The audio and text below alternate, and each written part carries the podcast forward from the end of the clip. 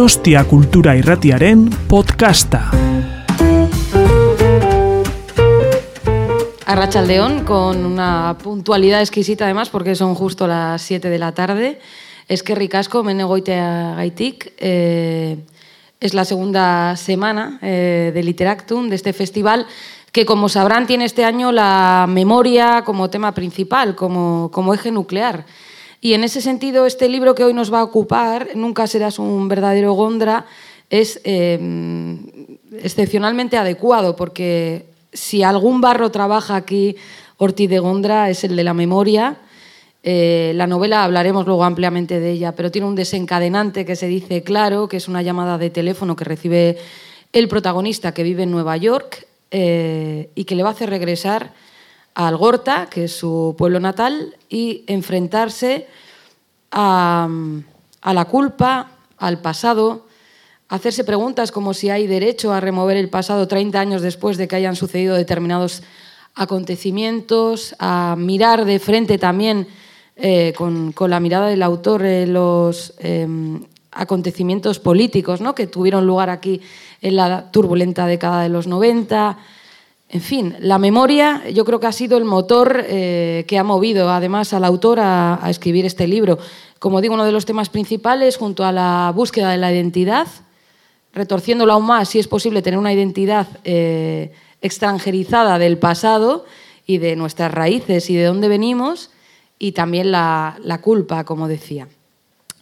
Eh, Borja Ortiz de Gondra, nació en Bilbao en el año 1965, pero eh, después ha estado en muchos lugares. Es un hombre, es una palabra que me gusta mucho a mí decir porque a veces se malinterpreta mundano o cosmopolita, porque el joven se fue a vivir a París, eh, bueno, para estudiar allí, también teatro, para estudiar eh, literatura, para tratar de escribir. Y a continuación, bueno, al paso, con el paso del tiempo, se estableció en Nueva York, donde además eh, podemos decir que que sigue residiendo, ¿no? Con un pie en Nueva York, otro en Madrid, un tercero sería un hombre muy raro si tuviera tres, pero si lo tuviera estaría aquí. y bueno, así um, eh, más o menos podemos decir que ha ido haciendo su vida lejos de este lugar y sin embargo, a pesar de haber viajado tanto, de haber vivido tantas vidas y en tantos lugares, eh, al observar su trayectoria, eh, comprobamos que es incapaz eh, de escribir ajeno a sus circunstancias originarias, si se puede decir así. Yo conocí a Borja Ortiz de Gondra antes de que publicara esta, su novela primera, a través del teatro, porque él em, ahora está en el Valle Inclán, además justo en Madrid, el cierre de una trilogía que ha tenido un recorrido muy interesante y muy aplaudido. Eh, es una trilogía que se abrió con los Gondra, continuó con los otros Gondra y ahora se está cerrando con, con los últimos Gondra, que como decía está precisamente ahora en Madrid. De hecho, a Borja yo creo que el festival, a quien por cierto también en tu nombre Borja agradecemos que nos haya invitado a ambos, el festival ha atrapado porque creo que es su único día libre eh, en el teatro. Mañana tiene que ir al teatro, que esto es una cosa que a mí me admira de la gente del teatro, cómo es capaz de todos los días estar sobre, sobre las tablas.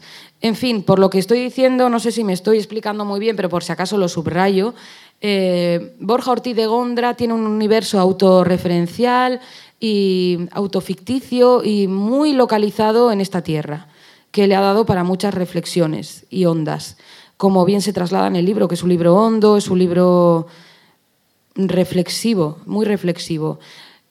Y también es muy honesto y no sé hasta qué punto pueda ser doloroso, pero bueno, todo esto se lo vamos a preguntar a continuación. Luego también habrá oportunidad de que ustedes le pregunten lo que, lo que deseen Borja Ortiz de Gondra, Rachaldeón, Onguietorria, Donostiara. A Rachaldeón, y soy yo el que doy las gracias a, por haberme invitado. Es verdad que, que, he aprovechado este lunes, que es el único día que tenemos libre en el teatro, para venir aquí, pero no es ningún esfuerzo, es, es, es un honor. Y sobre todo hacerlo con, con Chani Rodríguez, que es una uh, novelista a la que yo admiro, y yo sí había leído uh, su última novela, Los últimos románticos, y estoy muy contento de que haya recibido el premio Euskadi, porque creo que es muy merecido. Así que esta charla es una charla entre compañeros que nos admiramos mutuamente. Bueno, es que ricasco, Borja.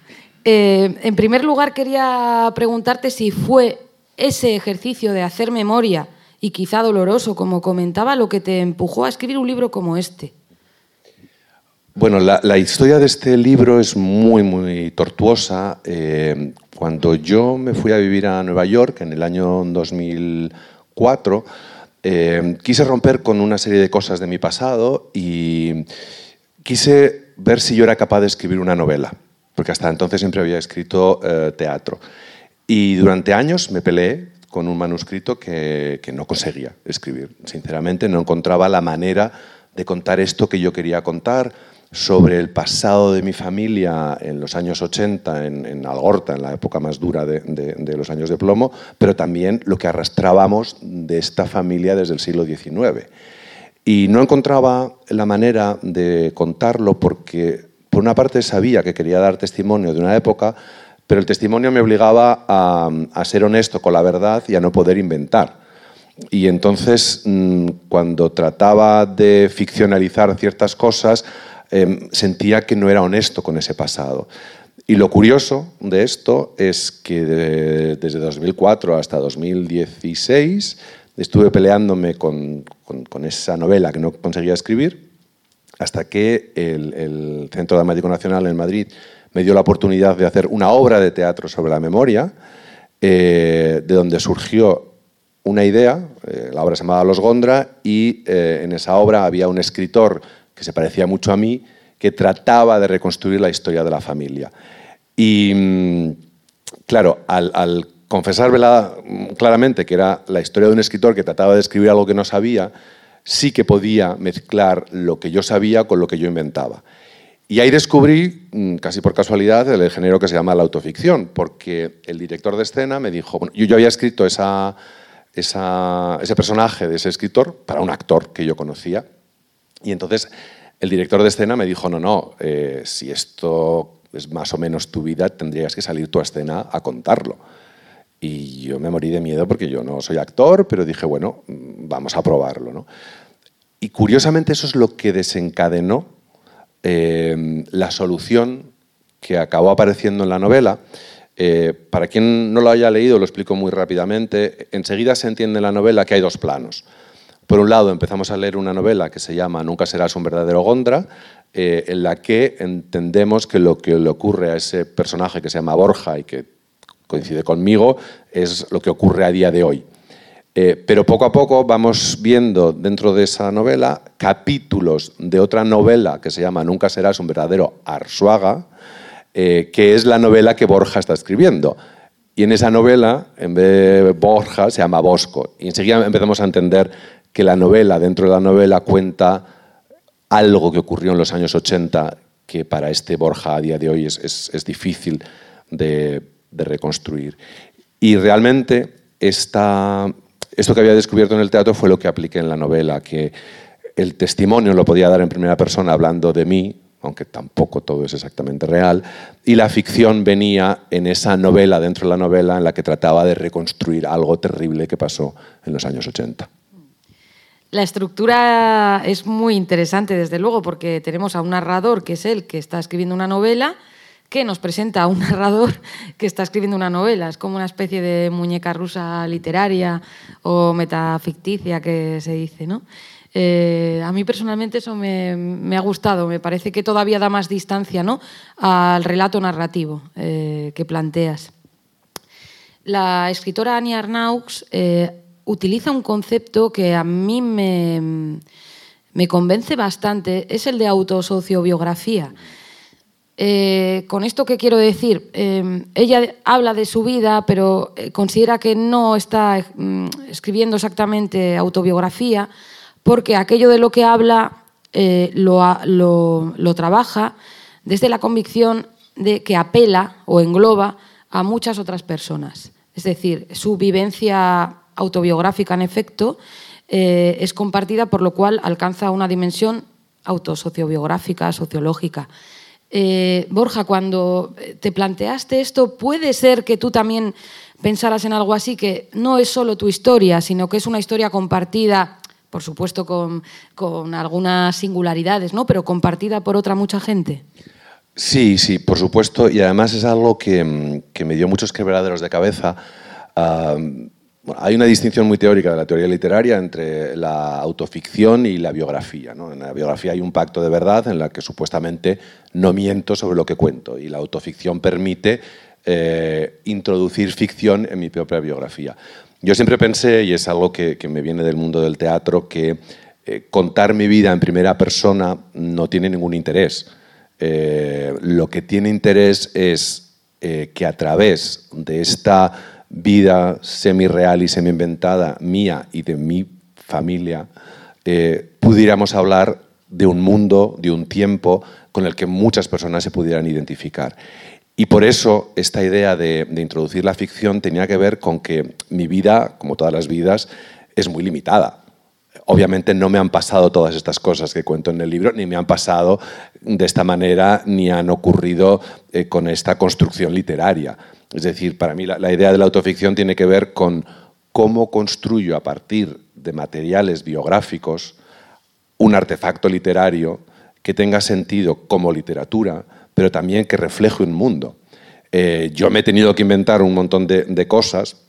Por ejemplo, es, muy claro para mí, eh, yo vivía en Algorta en los años 80, en un medio social y, rodeado de un, mundo eh, que no veía otra parte de esta sociedad de Algorta, eh, o no quería verla. En la novela ahí queda claro que por las noches algo pasaba. Eh, y claro, si yo soy honesto eh, y, y, escribiera una biografía pura, no podría contar ese otro mundo. Y para mí era importante entender que en aquel pasado ni nos mirábamos a la cara porque nos ignorábamos y además porque era un peligro mirarse a la cara, y ahora, 30 años después, cuando volvemos a vernos, sí que nos miramos y sí que tratamos de saber quién es el otro, pero sobre todo tratamos como de dilucidar qué hizo el otro y qué ha pasado durante esos 30 años. Y esto solo es posible cuando utilizas las herramientas de la ficción para ampliar tu campo. ¿no? Entonces, yo digo que, que mi pequeña vida no es interesante, pero mi vida en Algorta puesta en contexto y con una gran parte de, invención puede reflejar un mundo eh, que luego es muy curioso, no, es simplemente vasco, ¿no? que es lo que yo me he encontrado, la experiencia que he tenido con los lectores, que, bueno, me han dicho, claro, las claves son muy reconociblemente vascas, el, el 30% de la novela que ocurrió en Algorta, pero también son muy universales. ¿no? Es una sociedad eh, dominada por la violencia y una familia opresiva, esto es muy universal opresiva y oprimida también al mismo tiempo. Vamos a hacer un ejercicio, Borja, lo hago con tu permiso, lo hacemos a Pachas, que es eh, intentar trasladar el, planteamiento básico de la novela para las personas que están aquí que no la hayan, que no la hayan leído aún, cosa que espero que se corrija en breve. Eh, tenemos a un protagonista, o dos quizá, por esta estructura ¿no? dual que hemos eh, referenciado antes, un protagonista que se llama Borja, que dejó eh, su Algorta natal eh, hace décadas, 30 años, recibe una llamada de una prima, eh, en euskera además, cosa que ya le remueve mucho, y se ve obligado a, o bueno, o desea, o entiende que tiene que volver a Algorta, ¿no? por un hecho que ha acontecido en su familia.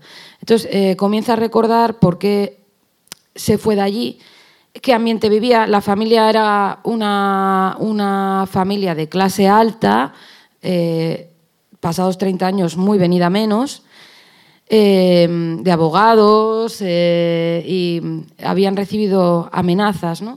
en todo caso, no sé si el personaje se, se va por esas amenazas y por esa toxicidad también en el ambiente político o por asuntos eh, más suyos, ¿no? como pues, eh, tener una sexualidad determinada que no era tampoco bien vista, no era abrazada ni siquiera en su entorno más próximo, o por tener unas ambiciones artísticas. ¿Por qué este personaje decide de una forma tan abrupta decir, Agur, ¿a qué os quedáis?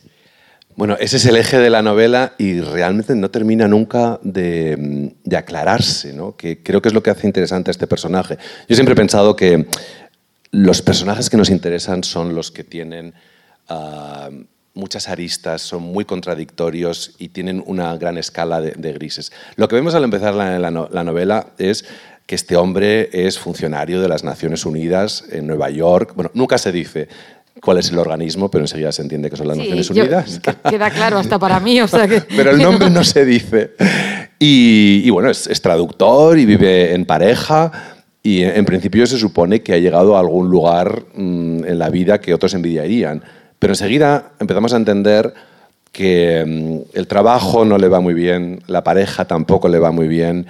Y, mm, esa llamada en la noche de alguien eh, que le ve la euskera 30 años después y le dice eh, tienes que volver ah, porque, bueno, enseguida se desvela porque tu hermano acaba de morir, un hermano con el que no se hablaba desde hacía 30 años, eh, de repente le, descoloca porque esa herida que nunca cerró y esa huida de su lugar natal, eh, digamos, pone en quiebra lo que está viviendo. Él, regresa a, Algorta, donde no, había, donde no había ido desde hacía 30 años, y empieza a entender eh, que todo eso que ha tratado de construir en, Nueva York eh, lo ha construido sobre unas bases bastante, bastante poco sólidas porque no ha resuelto no ha resuelto ese, problema del pasado. Y entonces hay una, búsqueda y una exploración eh, sobre por qué se fue. Y creo que lo, que puede interesar a los lectores es esto, que no, no desvelo mucho. Claro, lo tenía todo en contra, porque eh, era una familia donde eran cinco generaciones de abogados y se esperaba de él que fuera un gran abogado y que había estudiado en la Universidad de Deusto, y sin embargo se le ocurre ser escritor y marcharse a París para estudiar filología, cosa que la familia evidentemente no entiende. Eh, por otra parte, se espera de él que se case con la chica adecuada y que perpetúe la saga de los Gondra, y sin embargo, eh, él es claramente homosexual, cosa que en la familia está muy mal visto. Eh, además, la familia recibe una serie de, amenazas y el día de la boda del hermano parece que esas, esas amenazas se concretan. pero nunca termina de quedar claro si hay una sola razón para esa huida. Y yo creo que eso es lo que hace interesante el desarrollo de la novela, eh, entender que este personaje contradictorio no resolvió ninguna de esas de esos interrogantes que tenía en su vida y cuando regresa a Algorta 30 años después piensa que los va a poder resolver. Pero claro, el pasado queda en el pasado y el presente es otra cosa y lo que, lo que va entendiendo según va avanzando la novela es eh, que el pasado nunca vuelve y que los que se han quedado han tenido que seguir viviendo allí, han evolucionado y él no entiende. hay un momento de la novela mm, que es una frase muy dura, pero dice, eh, quien conoció la herida reconoce la cicatriz. Es decir, él se empeña en perpetuar el mundo que él conoció, pero 30 años después ese mundo ya no existe. Y al final yo creo que le, pasa un poco lo que nos pasa a todos los trasterrados, que nunca va, a encontrar su lugar, es decir, añora un mundo mm, de su adolescencia vasco que no existe ya, y una lengua que es la que hablaba su abuelo, que además era un euskera vizcaíno, eh, que él tampoco habla bien, y por otra parte nunca encuentra su lugar en Nueva York, donde ha hecho su vida y su carrera y tiene una pareja porque sigue pensando en ese lugar del mundo del que viene. Sí, él sigue en unos parámetros que es verdad que luego 30 años se le echan encima y cambian, ¿no? Em, creo que no adelanto nada si digo que la persona que lo llama es una prima a la cual detesta porque relaciona con ese episodio de amenazas eh, que, del que hablábamos antes, que además se dio la boda de su hermano. Su hermano sí que decidió en la década de los 90 que se iba a ir al sur, porque, o así lo contó, porque no había bombas y porque el ambiente iba a ser más respirable de lo que era aquí. Y eh, había un enfrentamiento ¿no? Eh, intrafamiliar, como yo creo que ha pasado además en muchísimas familias.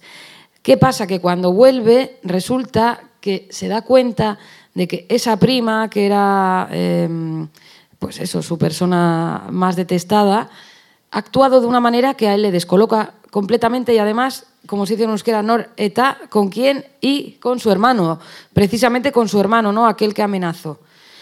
Y el personaje em, no está conforme y quiere remover, y es esto que se decía antes, ¿no? Como hasta qué punto hay derecho a remover, que igual sí, es ¿eh? solo una pregunta, cuando se ha estado fuera, ¿no? Cómo se llega metiendo codos y diciendo, no, esto ahora tiene que ser así, ¿no? Como cuando yo lo dejé. Ahora corregimos, ahora hacemos el pespunte desde aquel desgarro, ¿no? No desde ahora.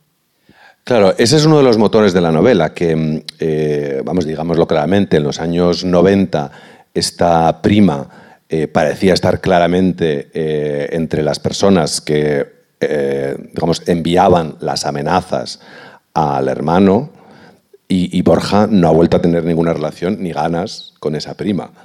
Esa prima averigua su número en Nueva York y cuando llama eh, Borja se queda completamente descolocado cuando ella le dice, no, es que yo a tu hermano lo he estado tratando estos últimos años. Entonces, para él es prácticamente inaceptable eh, las personas que fueron enemigos acérrimos, y era lógico, porque una amenazaba a la otra, de repente, 30 años después, antes de que él muriera, parece ser que han hecho las paces entre sí. Entonces, cuando, cuando Borja regresa al Gorta, eh, esto es muy doloroso para él, porque claro, él sigue pensando que esa prima era una enemiga.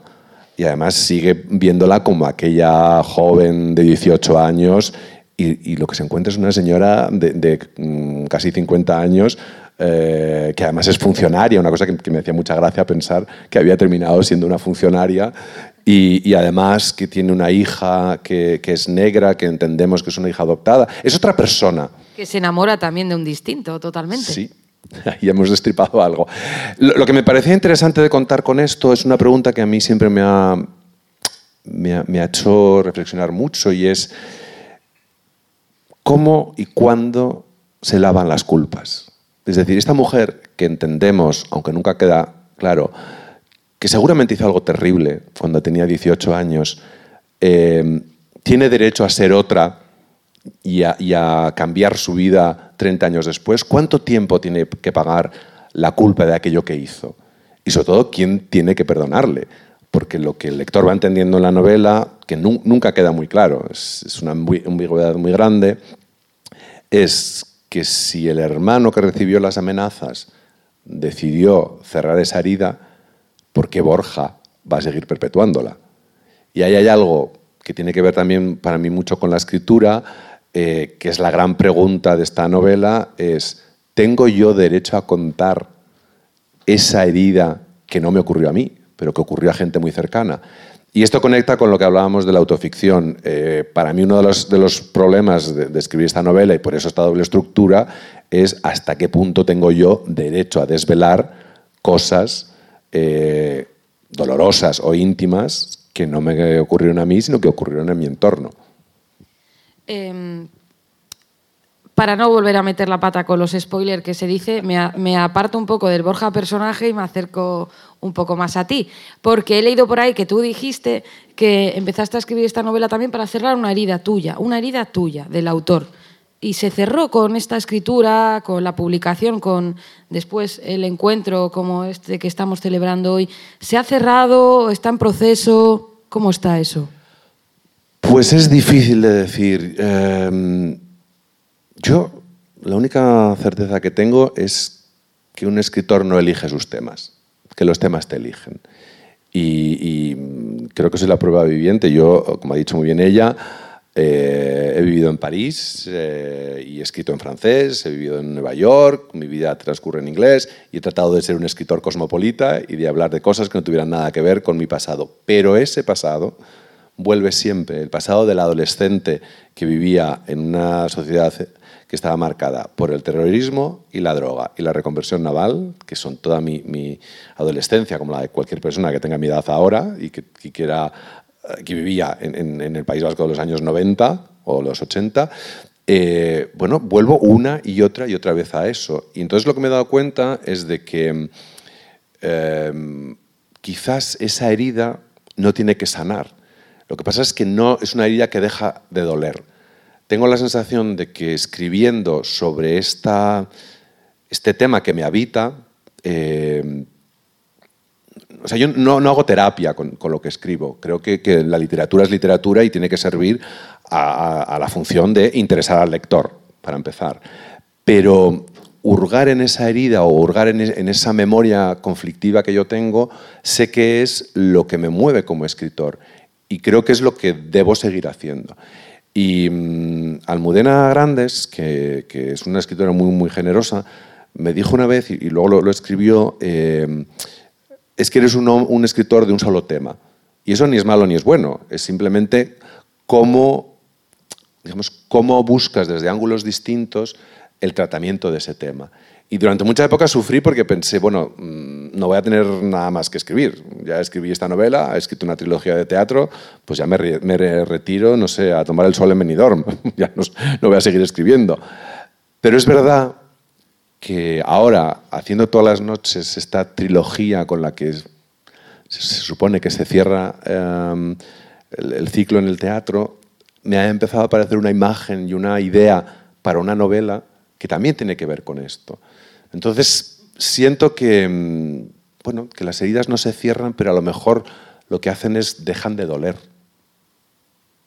De hecho, eh, no, es nada inocente que eh, el comienzo del libro es una cita de un, de un escritor, de un uh, poeta polaco, Czesław Mislov, que dice, eh, es posible que no haya más memoria que la de las heridas. Una frase potente, ¿eh? sin duda. Hay un personaje, Borja, ya que estamos hablando del olvido, la herida, la memoria de la herida, que me ha parecido muy interesante. La novela es Ruth Slemovic. Slemovich. Slemovich. Muy judío. Es la hija de, unos amigos de la pareja de, de, Borja, de John. Va allí a cenar una noche a la casa, una casa espectacular, neoyorquina. Eh, y la hija de ese matrimonio eh, tiene una conciencia política eh, muy desarrollada y, eh, entre otras cosas, organiza en Nueva York encuentros restaurativos, que es una palabra que nosotros, nosotras, hasta hace poco no empleábamos mucho, pero ahora mismo forma parte, yo creo que de, que de nuestro argot eh, también civil, ¿no?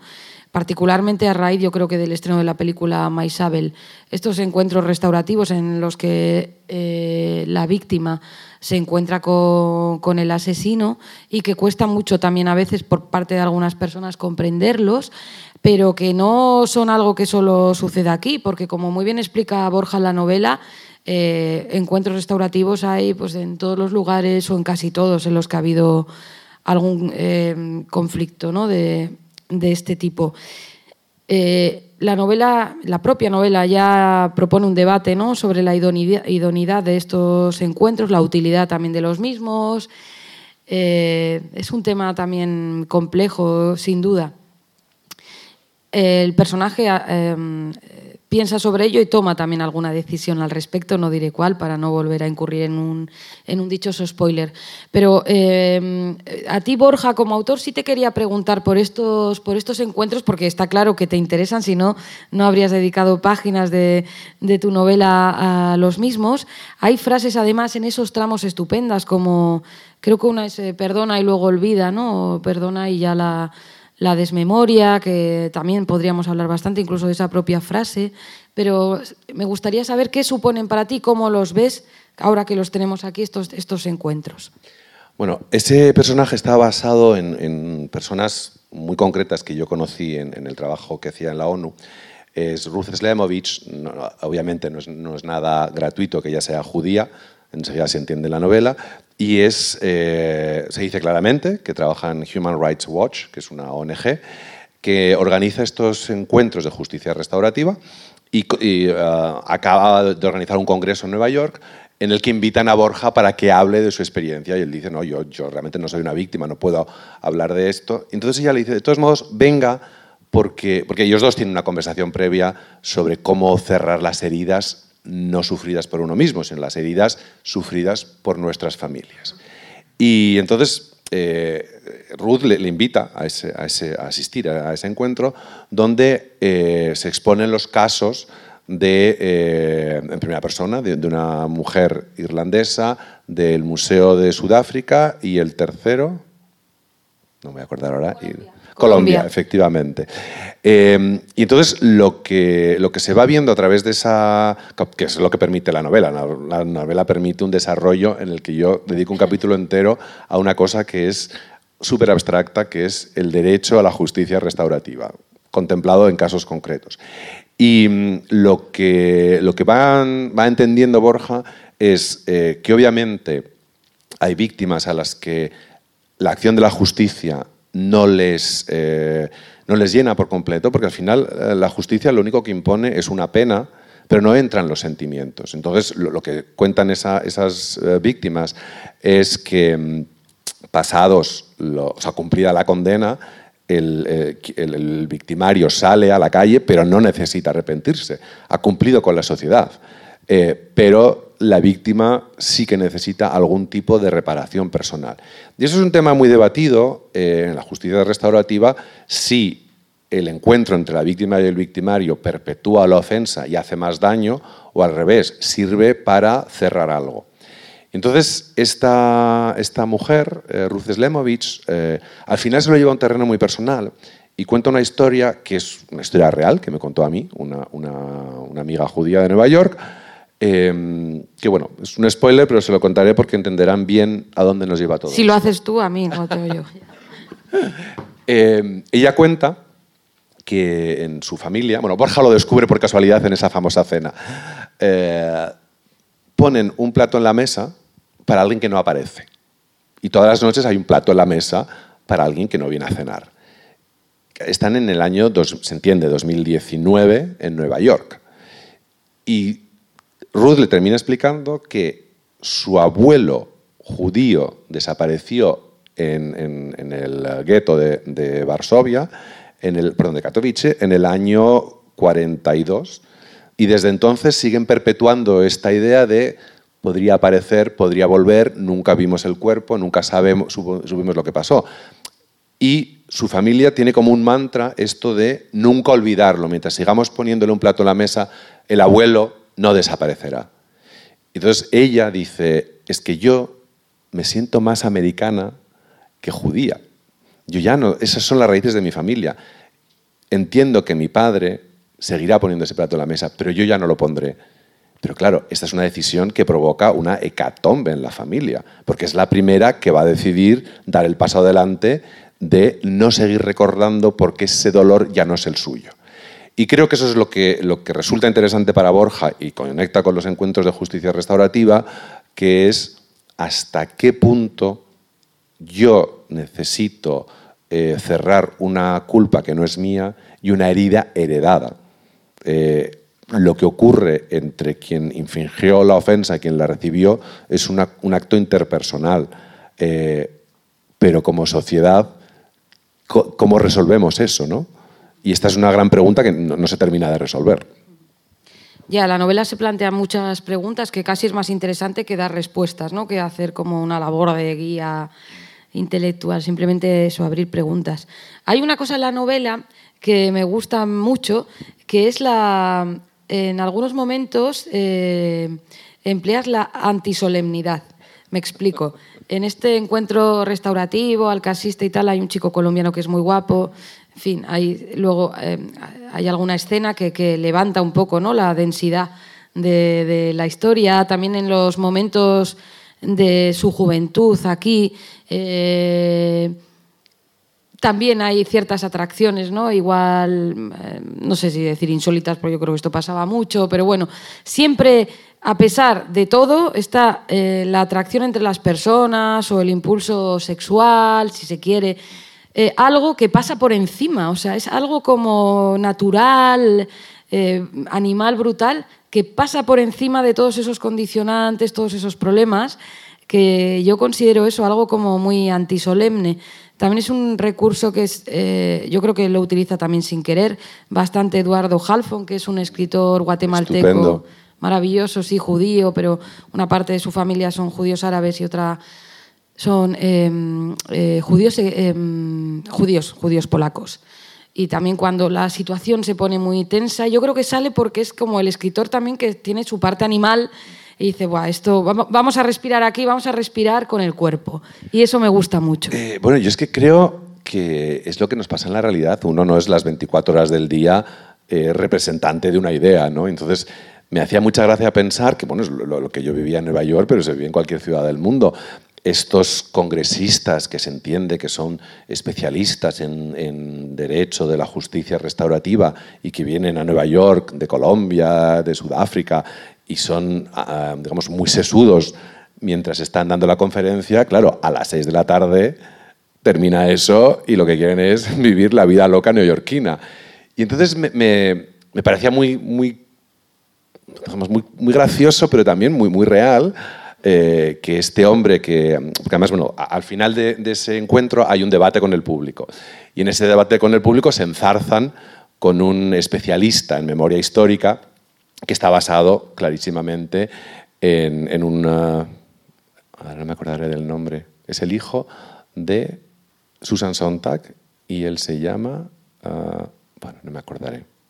Pero bueno, es un famoso especialista en memoria histórica que defiende una cosa contraria a lo que defiende este especialista colombiano. Entonces se enzarzan y en, ese capítulo se ve que hay un alto debate intelectual. Pero luego salen de ahí y, Borja le acompaña a este, a este especialista colombiano porque es su primera vez en Nueva York y le acompaña en el metro y al final lo que se descubre es que quiere ligar con él. Y entonces hay, hay un momento cómico donde no, se sabe si, si, le está proponiendo una charla o le está proponiendo que suba a la habitación. Y porque me, parece que, y en la novela eso ocurre muchas veces, ¿no? que, que, en los momentos más insólitos ocurren cosas inesperadas. Porque también creo que, mm, que si no, sería una novela de ideas que, que a mí no me interesa. A mí, las ideas están en la novela, pero yo creo que la novela debe captar la vida. Y en la vida nadie es las 24 horas... Eh, de una pieza. ¿no? Además, hay, cosas muy contradictorias que, de hecho, eh, sin desvelar tampoco mucho, pero eh, lo que hace Borja durante, los días, durante el día, eh, que tiene que ver más o menos con su afiliación política, y lo que hace por las noches cuando caen las máscaras, no es, no es muy coherente. Pero así somos los seres humanos, ¿no?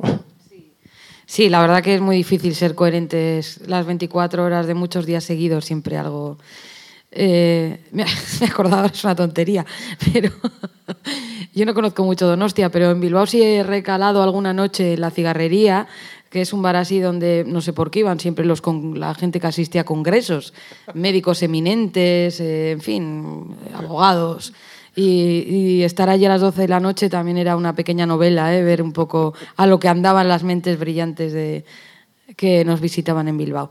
Así que esto, como casi todo lo que cuentas en la novela, que yo creo que es un artefacto literario muy bien pensado, no es inverosímil. Nada es inverosímil, que la verosimilitud, ya lo sabrán ustedes, es lo más importante en una novela, más que la verdad.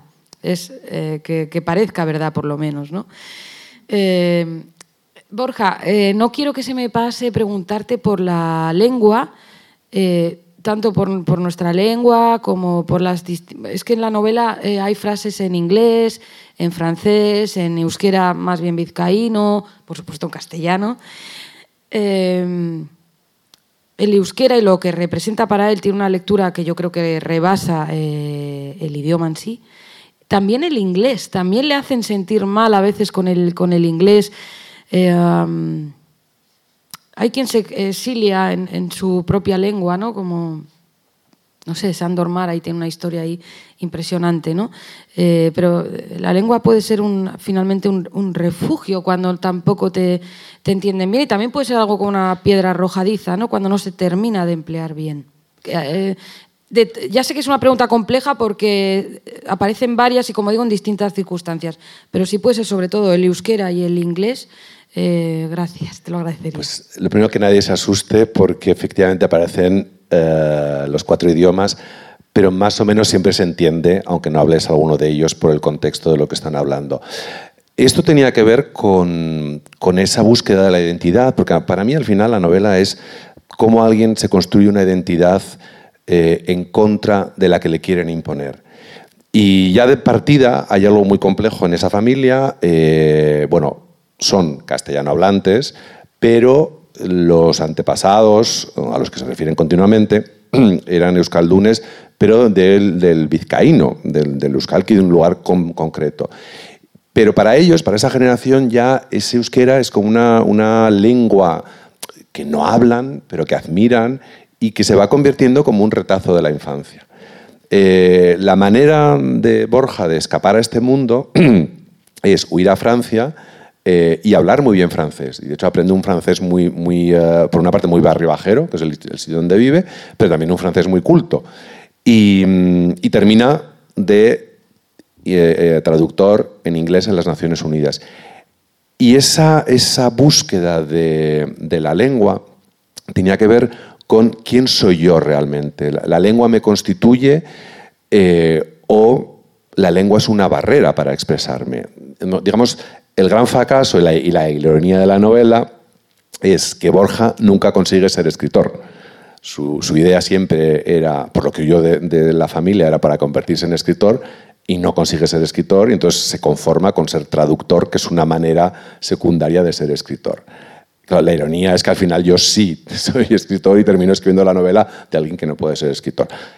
En Estados Unidos esa identidad es totalmente arrojadiza, porque él siente que por más que hable inglés y le recuerdan continuamente que no habla inglés como un nativo, eh, siempre le están preguntando por su definición. Si es hispano, latino, hispanounidense, bueno, todo este lío que hay en Estados Unidos con las identidades lingüísticas.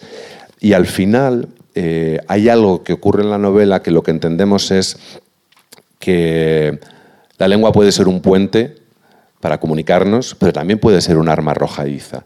Y en un momento dado recuerda algo que, decía el abuelo cuando la, lengua se usa para que el otro no te entienda, eh, puede ser una manera de discriminar consciente.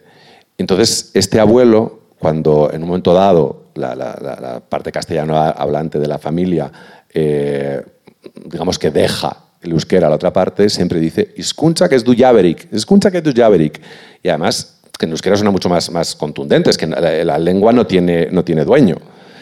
Y es algo muy problemático en la novela porque para mí la construcción de la lengua literaria que él no consigue tiene que ver con que no sabe muy bien cuál es la lengua en la que tiene que contar esa vida. Al final el peaje que paga para conseguir su mundanidad y, y su libertad presuntamente es caro, ¿eh? es tanto como no saber finalmente quién es. ¿no? Por eso lo de la búsqueda de la identidad, que es un viaje, la verdad, apasionante, ¿no? el que nos planteas y compartes con, con nosotros aquí. Ahora que hablas de la Haitite, eh, voy, a voy, a hablar un poco sobre la familia Gondra. Eh, él, él, cuando regresa al Gorta después de 30 años, va a una cafetería y le, hacen, le pregunta que el camarero qué quiere en inglés, porque piensa que es un turista, y se da cuenta y le sienta fatal, fatal. Eh, tanto es así que le sale un ramalazo muy de su familia, que es como que yo soy turista. Me dieron ganas de decirle los 16 apellidos vascos, ya no 8, sino 16 que tengo y tal y cual. Y en, la, y en la familia Gondra, esto no sé hasta qué punto es ficticio, también de tu familia, lo que sí que también es un producto de la época, eh, se aprecian claramente ramalazos muy clasistas, ¿no? Como vivimos en esta zona, aquí no hay coreanitos ni belarrimochak, eh, casarse con un, con un, igual, ¿no? Digamos, los matrimonios estos no se iban a casar tampoco con, con cualquiera. Y, eh, por eso, por cómo describes a esta familia, bueno, también en, esa, en, en, esa parte, ¿no? Me hace gracia porque también ha heredado, le sale ese ramalazo, le da muchísima rabia. A mí es una escena que me ha divertido mucho. Claro, porque uno no deja de ser ese adolescente que fue, por más que tenga una educación sentimental que ha pasado por, por, uh, otros países y por otras circunstancias. Entonces, a mí me hacía mucha gracia, y eso está en la novela, eh, claro, en el momento de la boda del hermano, el gran drama es que la chica con la que se va a casar tiene un apellido que es dudosamente vasco, y esto a la familia es como el fin del mundo. Y claro, Borja está viviendo en París, rodeado de gente de todos los orígenes, de todas las razas, y esto se lo cuenta a sus compañeras de la facultad y no pueden entender nada de eso, ¿no? Pero luego va a Nueva York y curiosamente también a él le exigen mm, su etiqueta de, hispanidad, ¿no? Y, de hecho hay un momento muy cómico para mí en la novela en la que alguien le, claro, para algo que le puede suponer un avance o un retroceso en su carrera, se tiene que definir y entonces inventa una cosa que es hispano-unidense de origen vasco. así contenta a todos, ¿no? Sí, pero creo que los compañeros le dicen, no digas esas cosas, esto no te conviene. No, no, no es Porque era un, un, grupo que era como de mayor exaltación de la lengua castellana, ¿no? Sí, es la, la, la, Asociación de Amigos de la Lengua Española Nueva York. Y esto no... no, no, las, pro, asocia no pro... las asociaciones de amigos, para ser asociaciones de amigos, yo siempre admiro con un poco de cautela. ¿eh? No sé. Y de lo que decías antes, es algo que, que, a mí me ha pasado mucho en mi vida y entonces me, me hacía mucha gracia contarlo. Y es que, claro, yo he vivido gran parte de mi vida en Nueva York y yo no me doy cuenta, pero debe tener algo muy americano. Y entonces me pasa, y eso es verdad. Yo, esta novela, realmente una gran parte, la escribí en Algorta, en el pueblo donde ocurre, y la escribí en la biblioteca. Yo soy un, un gran usuario de las bibliotecas y un amante de las bibliotecas. La escribí en la biblioteca de Algorta, que está en la plaza de San Nicolás, como se cuenta ahí. Iba al café que está debajo de la plaza cuando hacía las pausas. Y claro, la primera vez que me hablaron en inglés, pensé, pero a ver, que yo he nacido aquí y que yo he vivido aquí hasta que tenía 23 años. Y luego, claro, en la novela además utilizo este ramalazo de claro, pues que mi familia tiene vamos, más apellidos vascos que tú, ¿no? Y, hay un momento que a mí también es, es, es cómico, pero creo que, que plantea una pregunta muy importante como sociedad. Él se monta en un taxi y entonces, eh, bueno, la, la, taxista se monta en un taxi que va del aeropuerto de, de Loyu a Algorta. Y la taxista eh, le dice, Caixo, pero él se da cuenta que esa taxista es cubana o dominicana, bueno, se entiende, seguro que es caribeña. Y entonces ella le habla unas cosas en euskera y él dice, claro, en realidad, esta mujer a lo mejor es ya más auténtica, entre comillas, que yo. Y eso le hace preguntarse hacia dónde va esta sociedad. Claro, porque en, el mundo en el que él creció, esto era impensable en los años 70, 80, ¿no? Y es un, un, cambio de paradigma eh, que, que, le hace preguntarse, eh, bueno, ¿cuál es nuestra esencia? ¿Existe alguna esencia o debe existir alguna esencia? Y eso es lo que le descoloca continuamente en ese regreso al Gorta, que se ha convertido en un extranjero y que los que eran extranjeros a lo mejor ya son más algorteños que él. Porque existiría alguna esencia. Pues no lo sé. Cha chacoliña oh, de perfume. Es Daki, yo qué sé.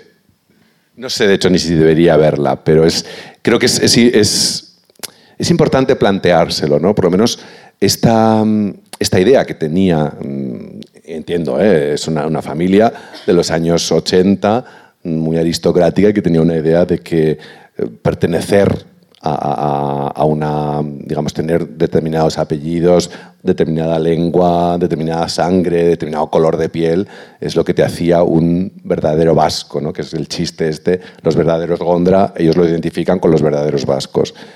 Y claro, la gran pregunta es... A ver, tenían un frontón, ¿eh? que eso, bueno, es de, sí. eso es muy... para los cafeteros, o sea, tener un frontón en la familia, que fue expropiado además, que todavía igual hace hasta un poco más, aún... Sí, bueno, pues como decía, son preguntas que se lanzan y cada uno tiene su respuesta, porque para eso también somos tan, tan plurales. ¿no? Eh, en todo caso, eh, Gondra es tu apellido, Gondra está en el título de este libro, Gondra está en los títulos de las obras de teatro. Eh, yo una vez me acuerdo, Borja, que leí, estaba, leí El País y le habían hecho una entrevista a John Balmville y me reí un montón porque el titular me parecía una especie de macarrada, ¿no? Para cualquiera que, que, tenga algún afán de escribir era un poco, te desarmaba porque decía, no escribáis, abandonad la escritura, no avergoncéis a vuestras familias, avergonzaréis a vuestras familias. bueno, me reí mucho, como digo, no hay que hacer, bueno, él tampoco hace caso, o sea que un personaje tuyo dice que para para escribir no hay que tener muy en cuenta todo, a la familia y todos los apegos, porque entonces no podríamos decir nada. Pero así ya tipo más chascarrillo, eh, ¿tu familia qué dice? Porque el apellido Gondra lo tienen ahora mismo en Madrid, si vas a Madrid en el Teatro Valle Inclán en un cartel enorme, ahí está el Gondra, los en las librerías, en... ¿Qué, ¿Cómo llevan esto de que, aunque sea autoficción, pero claro, ahí está el apellido real, que es el tuyo? Pues está curada de espanto. En familia ya sabe que, eh, que, hay mucho de ficción en la autoficción. De hecho, tienen un chiste en la familia cuando nos reunimos para las, las cenas de Navidad. Siempre es, uh, no digas eso, que luego Borja lo saca en la novela. y también dicen mucho, bueno, cosas de Borja. Eh, En un plano menos cómico diré que para mí siempre ha sido un problema, un problema ético y un problema moral como escritor, hasta qué punto puedo desvelar cosas no me ocurrieron a mí. Entonces, sin desvelar mucho, lo que diré es que yo lo, he solventado de una manera que creo que es un, pacto no escrito entre nosotros. Eh, tanto en las obras de teatro como en la novela, hay una serie de cosas desde de, entrada que quienes conocen a los referentes reales saben que no son así, que es muy distinto en la realidad. Y esto les permite a ellos decir, va, esto todo se alimenta a Borja, si, si cuenta esto al principio, todo el resto no puede ser verdad, porque son cosas radicalmente diferentes entre mi familia real y la familia literaria. Y creo que es algo eh, con lo que hay que tener mucho cuidado. Yo eh, no quise leerlo porque no me parecía muy justo. El famoso, los famosos, creo que son cuatro, seis, ocho volúmenes de este escritor noruego que nunca sé pronunciar, Karl Nove Aus. Tú eres el políglota en esta sala. O Pero en noruego no. Más apellido. Bueno, él escribió una serie de libros que se llaman, además muy provocativamente, Mi lucha, donde desvela las miserias de su familia. Eh, y ha tenido pleito tras pleito de, su familia real. Y creo que esa venganza eh, no ayuda a la literatura. Pero esto es una, una, visión muy personal. Yo creo que yo como escritor debo hacer literatura. Y si tengo algo que resolver con, con mi familia, pues haría terapia con ella. Unas sobremesas animadas, ¿no? Que es la terapia que solemos tener. Bueno, enseguida vamos a abrir el turno de preguntas para que ustedes le planteen a Borja Ortiz de Gondra lo que deseen. Melones hemos abierto, no sé si. Eh, como digo, hemos planteado muchas preguntas, eh, que es más interesante que, dar respuestas. Eh, mientras, mientras lo, piensan, he oído una voz, ¿no? no, era yo. sí. Ah, vale, vale. No quieres preguntar tú ni nada. Mira, ya hay gente. Bueno, pues le voy a pasar el turno a Luisa Chenique y luego te hago una última pregunta. Sí, hola, buenas tardes. Eh, gracias a los dos por esta eh, conversación. Yo quería preguntarte, em, eh, Borja, nos has hablado del paso de la ficción a, bueno, de la realidad a la ficción, pero que nos hablaras un poco de el lenguaje teatral y el lenguaje de, la novela. ¿Cómo, cómo ¿qué encuentras en un terreno que no te da el otro y, viceversa? Pues mira, ha sido para mí francamente difícil eh, ponerme claramente eh, el límite de no hacer ni una novela teatral, que hubiera sido lo, obvio, si hubiera hecho una novela dialogada, hubiera sido trasladar el teatro a la novela. Eh, y por otra parte, en el teatro, no escribir algo que no tenga eh, sentido escénico. Y lo explico muy brevemente. Em, la novela, por definición, exige reconstruir un mundo y permite todo tipo de técnicas. la cosa más básica es las descripciones y el uso del lenguaje literario. Eh, en esta novela yo he trabajado muchísimo, muchísimo, muchísimo unas descripciones que son muy plásticas. Eh, quiero creer, ah, sin pecar de falsa modestia, que el mundo de la casa que se está viniendo abajo, el mundo de la playa y el acantilado donde ocurren esas cosas eh, terribles entre el padre y el hijo, el mundo del frontón, están... el, ambiente, me voy, el ambiente que describes de la época, de las distintas épocas también. Está trabajado por un lugar, eh, de un lado, con unas imágenes muy plásticas y muy sensoriales para que el lector las reciba, pero también eh, hay un enorme trabajo sobre la lengua. Eh, es una lengua, como se entiende, que es por una parte un traductor que quiso ser escritor, hay un trabajo muy, muy literario y yo he sido completamente riguroso. O sea, yo me he podido pasar una mañana entera en la biblioteca de San Nicolás de Algorta hasta saber cómo se llamaba una cosa que yo había visto toda mi vida alrededor de los, de los árboles del parque y que no sabía cómo se llamaba. Bueno, ahora sé que se llaman alcorques, son las pequeñas verjas que rodean a los árboles. Eso para mí era fundamental en la novela, eh, que el lector entrara en un mundo por la sonoridad y la plasticidad. Y eso se consigue con el trabajo del lenguaje. El teatro funciona de una manera completamente distinta. El teatro está basado en el diálogo y el conflicto. En el teatro uno no puede eh, permitirse que los personajes hablen y hablen sin parar, eh, explicando cosas. Tienen que ocurrir. Y lo más difícil del teatro es precisamente la economía del lenguaje. Es decir, eh, en escena tienen que pasar cosas que no necesariamente se dicen. Tenemos que plantear las bases para que eh, los actores creen ese conflicto, pero hay que tener muy en cuenta que en un escenario la palabra que se dice es uno de los elementos, pero las emociones del actor y todo lo que conlleva alrededor, eh, desde la iluminación hasta la escenografía, hasta los sonidos, cuentan también muchísimo. ¿no?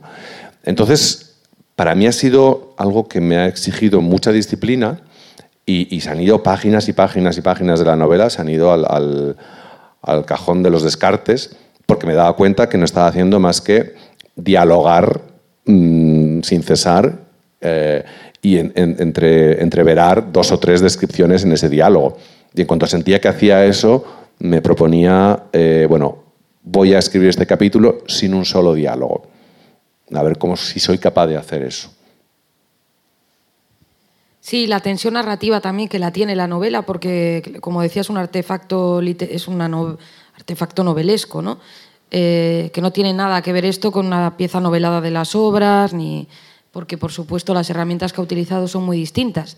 Y para mantener la tensión narrativa, claro, la novela también es muy distinto, porque en el teatro tenéis otros apoyos. Aquí es la palabra, el ritmo, lo que no se cuenta.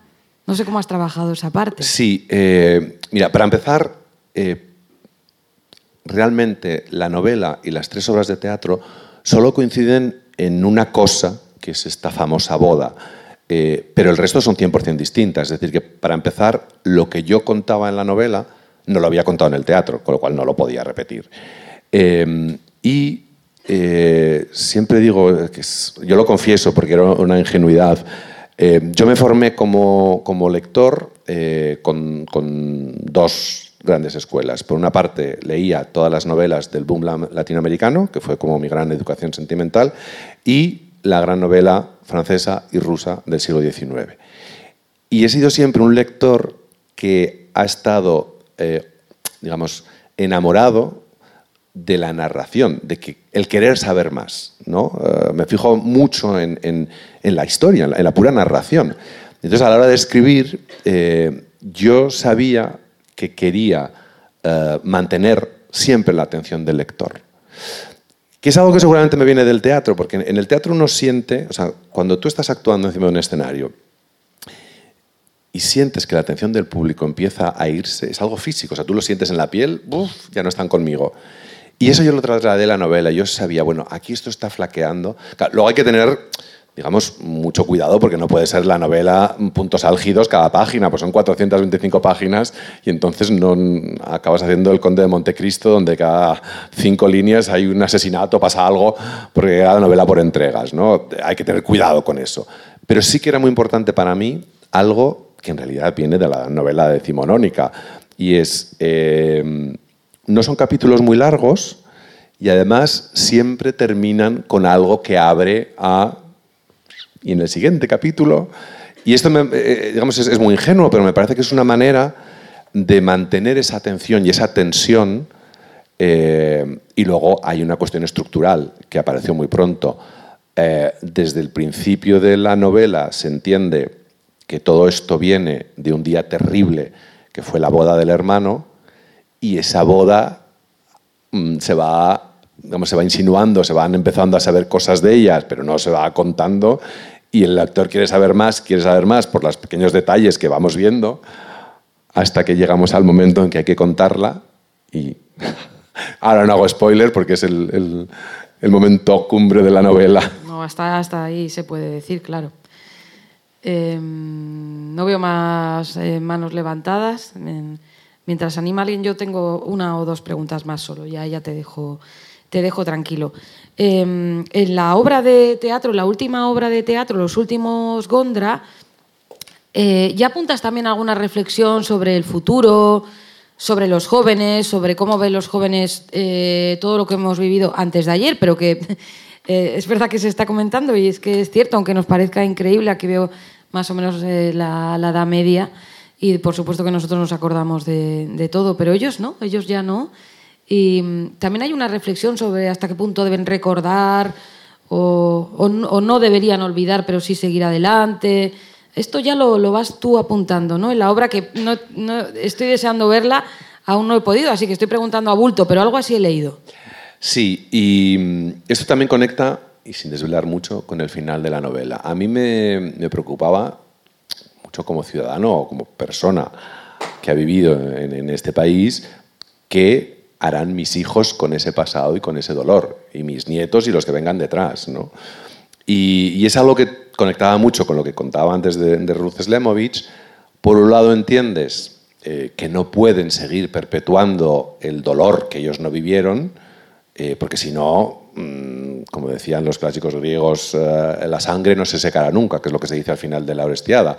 Si, si no, no calla la lengua, no, nunca, se, nunca se secará la sangre. Pero por otra parte, claro, duele pensar que pasen tan rápido la página sin, eh, por lo menos, honrar el dolor sufrido por otros. ¿no? Y tanto en la obra de teatro como en la novela hay un final muy ambiguo que, que para mí tiene que ver con, con, lo que me ha formado. Antes he dicho lo que me ha formado en cuanto al, a, la narrativa y en cuanto al teatro siempre fueron los clásicos griegos. Yo creo que las, toda la experiencia humana y todo lo que podemos contar como escritores están en las 23 tragedias, griegas clásicas que se han conservado. Y el final de la tragedia siempre es muy ambiguo, porque permite una esperanza a cambio de algo que no se resuelve. Entonces, de nuevo, sin hacer mucho spoiler, tanto al final de la novela como en esta, en esta rueda de teatro, hay un, un o una joven que hacen algo que no se espera de ellos, que es dar un paso adelante hacia el otro, hacia el que, digamos, entre comillas, podríamos decir, era el enemigo para la generación anterior, y al mismo tiempo paga un precio muy alto por ese paso adelante. Y es algo que a mí me interesaba mucho como escritor, que es eh, nada de lo que hagamos es gratuito. Tomar este camino o el otro camino nos va a traer unas consecuencias. La pregunta es, ¿qué precio estás dispuesto a pagar tú por conquistar esa libertad o conquistar ese olvido o por otorgar ese perdón. Eh, no sé, Borja, si te pasa a ti, pero a mí... Eh, eh, vale, es un comentario, ni siquiera es una pregunta, ¿eh? que me gusta fantasear con cómo será Borja en el futuro, porque lo hemos visto en un tramo largo. Digo, ¿este cómo será ya a día de hoy? Como todo cambia, va cambiando, pues eh, no sé, yo jugueteo con, con esa idea. El micrófono para el señor. Gracias por lo de señor. Buenas tardes. Te voy a preguntar una cosa. Bueno, mm, ya que has estado en Francia, tú ya sabes que lo de tutoyer para los franceses es una cosa de mucha confianza. Yo te lo he dicho así. Ya sabes que el vouvoyer es lo que se lleva. Pero bueno, si quieres cambio al de usted, pero me ha salido así de tú. Has utilizado una palabra que ha estado presente en toda la exposición tuya referente al libro y que me ha llamado la atención porque yo no la había oído nunca, que es trasterrado. Me ha encantado. Entonces, hablando de Borja, el de la novela, entiendo que cuando se fue a Nueva York estaba trasterrado y cuando volvió a la huerta también. Parece que ese sería una persona absolutamente trasterrada, quizá no tanto el primero como el segundo. Entonces, eh, si eso es así, Borja, el de la novela, ¿cómo lo lleva esto? ¿Qué pretende? ¿Qué le gustaría hacer? ¿Encuentra sentido a la vuelta? ¿Se encuentra cómodo? ¿No se encuentra cómodo? ¿Es una cosa vital que le preocupa? ¿Qué sentimientos, qué sensaciones tiene? Quizá la pregunta venga dada porque yo fui trasterrado, pero he vuelto y yo no soy trasterrado. Y por eso me he planteado todo esto. Bien, esa es la primera pregunta. Y la segunda, como escritor y como buen conocedor, me parece, del lenguaje y que además te gusta, que no tiene nada que ver con el libro, pero yo creo que se te puede preguntar, porque además no sé a quién preguntarle, porque la gente no me lo aclara. Hablas de la justicia restaurativa. Bien. Y hablas del término victimario. Nosotros, los que hemos trabajado en el mundo del derecho, legatario es el que recibe algo, donatario es el que recibe algo. Y resulta que el autor del hecho, en estos casos de la justicia restaurativa, se llama victimario. Entonces yo quiero preguntarte, mm, ¿de dónde viene ese victimario, esa construcción o esa palabra? Mm, ¿De dónde sale? Teniendo en cuenta que todos los demás son sujetos pasivos, legatario, donatario. Y sin embargo, victimario, en lugar de ser el pasivo, es el sujeto activo. No sé gramaticalmente de dónde sale esto, o sea, de algún lado sabrá y yo no lo sé. Muchas gracias. Bueno, empecemos por la primera, que no es fácil ninguna de las dos. Em, lo que se termina de entender en la novela es que quien, Borja, vamos a decirlo claramente, se fue huyendo de algo y no resolvió eso de lo que huyó, pasa 30 años en Nueva York tratando de olvidarlo o de pretender que no existió, cuando la herida se reabre y vuelve al Gorta, eh, piensa que va a poder cerrarla porque va a volver al lugar del que, del que se fue.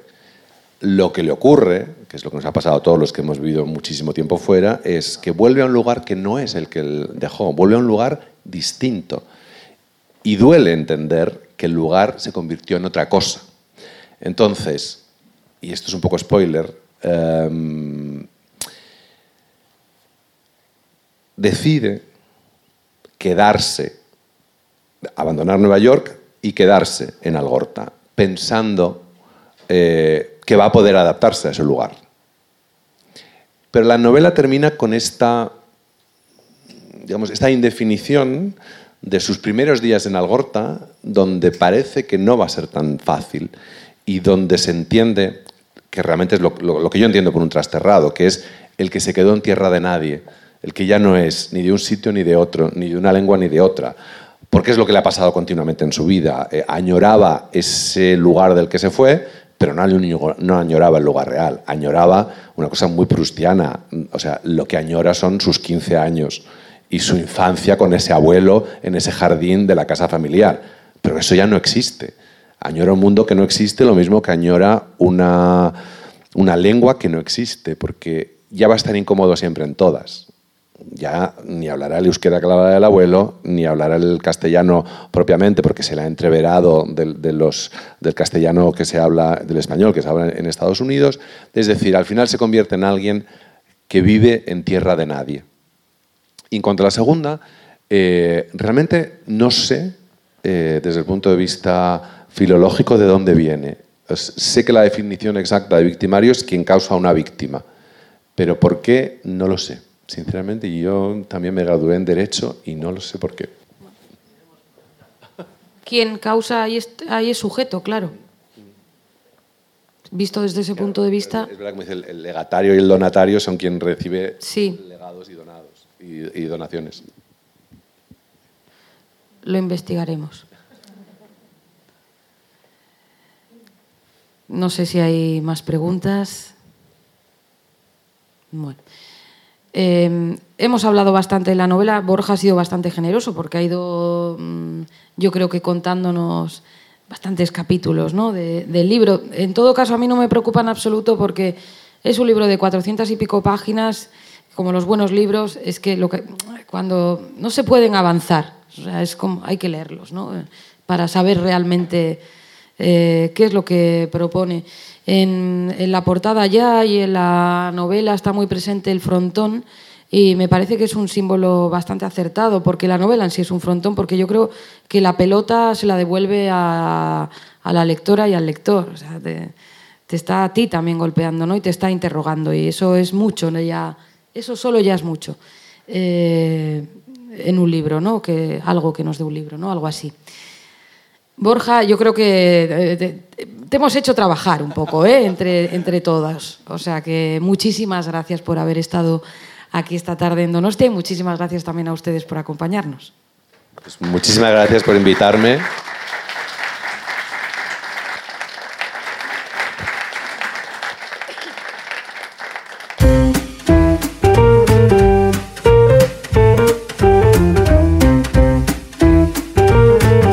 Donostia Kultura Irratiaren podcasta.